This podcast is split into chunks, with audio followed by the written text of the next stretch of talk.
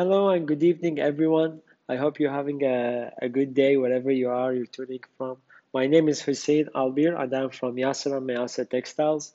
First and foremost, uh, this podcast uh, we decided to create it in order to give everyone in the fashion world, in the industry, whether you're a designer or a newcomer or you're a veteran in the textile world, this is just the sum up of our um, let's say the experiences and experiments that we have in the fashion world and throughout our careers. Our we are Yasser Amias, a textile company that's a family business. We were established back in 1921, originally from Baghdad, Iraq. Currently, we are based in Dubai with branches in Toronto, Shanghai, also, and also we're still operating in Baghdad, of course. So for today, I wanted to talk more about uh, what are the different categories of textile suppliers today that you can find, what are the differences between them, and how can you decide which one is the most suitable one for you. So first, there are, of course, different types. The first category and the biggest is the mill.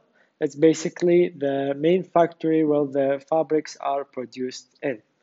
Uh, usually they tend to have higher minimums. Uh, for example, we're talking about, let's say 500, 800 meters per color and all the way up to 3000, 5000 uh, meters per colors and sometimes more. It depends. Um, the after the smaller than, than the mill is the converter. A converter is a, someone who is buying the raw materials and then uh, subcontracting it to the third party that does, for example, add the foil. Sometimes it might be a dyeing house, a printing place, uh, somewhere to do embroidery or a special finish on the fabric. They usually tend to give converters uh, usually tend to give up-to-date colors following the fashion and uh, work mostly in unique items. And if you're wonder wondering, that's what Yasser Mayasa is. We are basically a converter in the in terms of our category. And converters tend to offer lower minimums than the mill. Uh, then we go to jobbers. A jobber is a person who is buying overrun productions from the mills. So, for example, a converter made an order at the mill for 1000 meters, but the mill produced 1050. So, the converter will take the 1000 meter and the mill will get rid of this 50 meters by selling it at a, a bit, let's say, reduced price, sometimes same price, to a jobber. So the jobber will be selling kind of one-offs in a huge quantity, sometimes small quantities, depending on the extra production that he gets or she gets from the mill.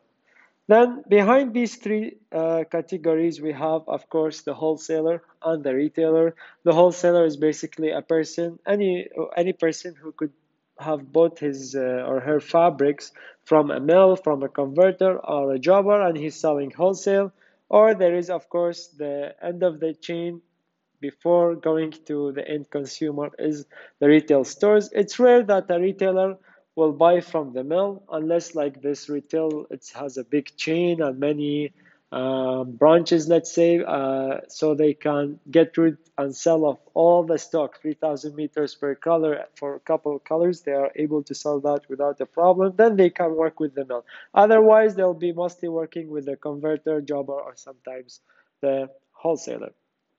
So going into our next uh, point, how can you as a person, as a designer or as a, an owner of a fashion brand decide who to approach? Shall you just look for the biggest mill, most known mill for fabrics and buy the best fabrics, or should you approach uh, the retailer in your town next to your house? Well, it all starts from yourself, from you and your brand. You should know your size first, and depending on that, you will decide who to approach and where to get to get your fabric sourced from.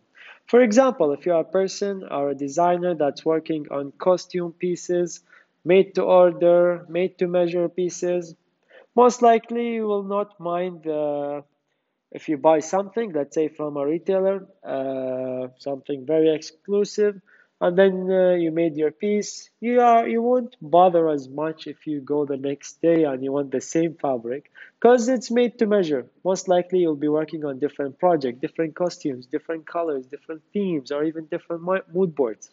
However, if you're a person who's just starting their designs, and let's say you are um, you started your collection with six to 12 pieces, different pieces, and you're making five of each different sizes.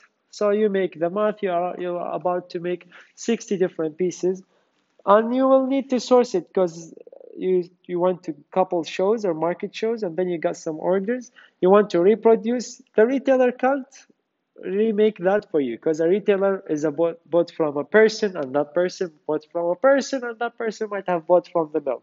So you see the chain is long and if it's sold out in the retailer it's more most likely the mill is not going to reproduce just for you. So that's something that's difficult. Uh, and that's why we always mention that if a person uh, is planning to have their uh, line and they're going to reproduce, they're going to showcase in wholesale markets where they might be getting orders. It might not be the best idea to create your samples from retail stores. It's a great place to start off, but if you want to take it to the next level and enter a professional world and get into the wholesale real textile business and garments business, you can't be starting your samples from retail and then when you get the orders, you go to a wholesaler or a converter and say, oh, please, do you have this? Can we make this again? I want it exactly the same. Then that's when issues start starting starts happening, and then you will get interruptions, and uh, and you can't meet your demand. Uh, so this is the issues, and that's why we always recommend people to do their research and know exactly and have a plan and at least have a projection about which direction you're planning to go. I hope today's uh, podcast was useful. If you have any questions, feel free to reach out to us on our uh, Instagram page at Yasmastex or on our website. You can find our emails www.yasserandmayasa.com. Um, and you can subscribe and share this podcast with your friends for the maximum benefit of everyone. Thank you very much.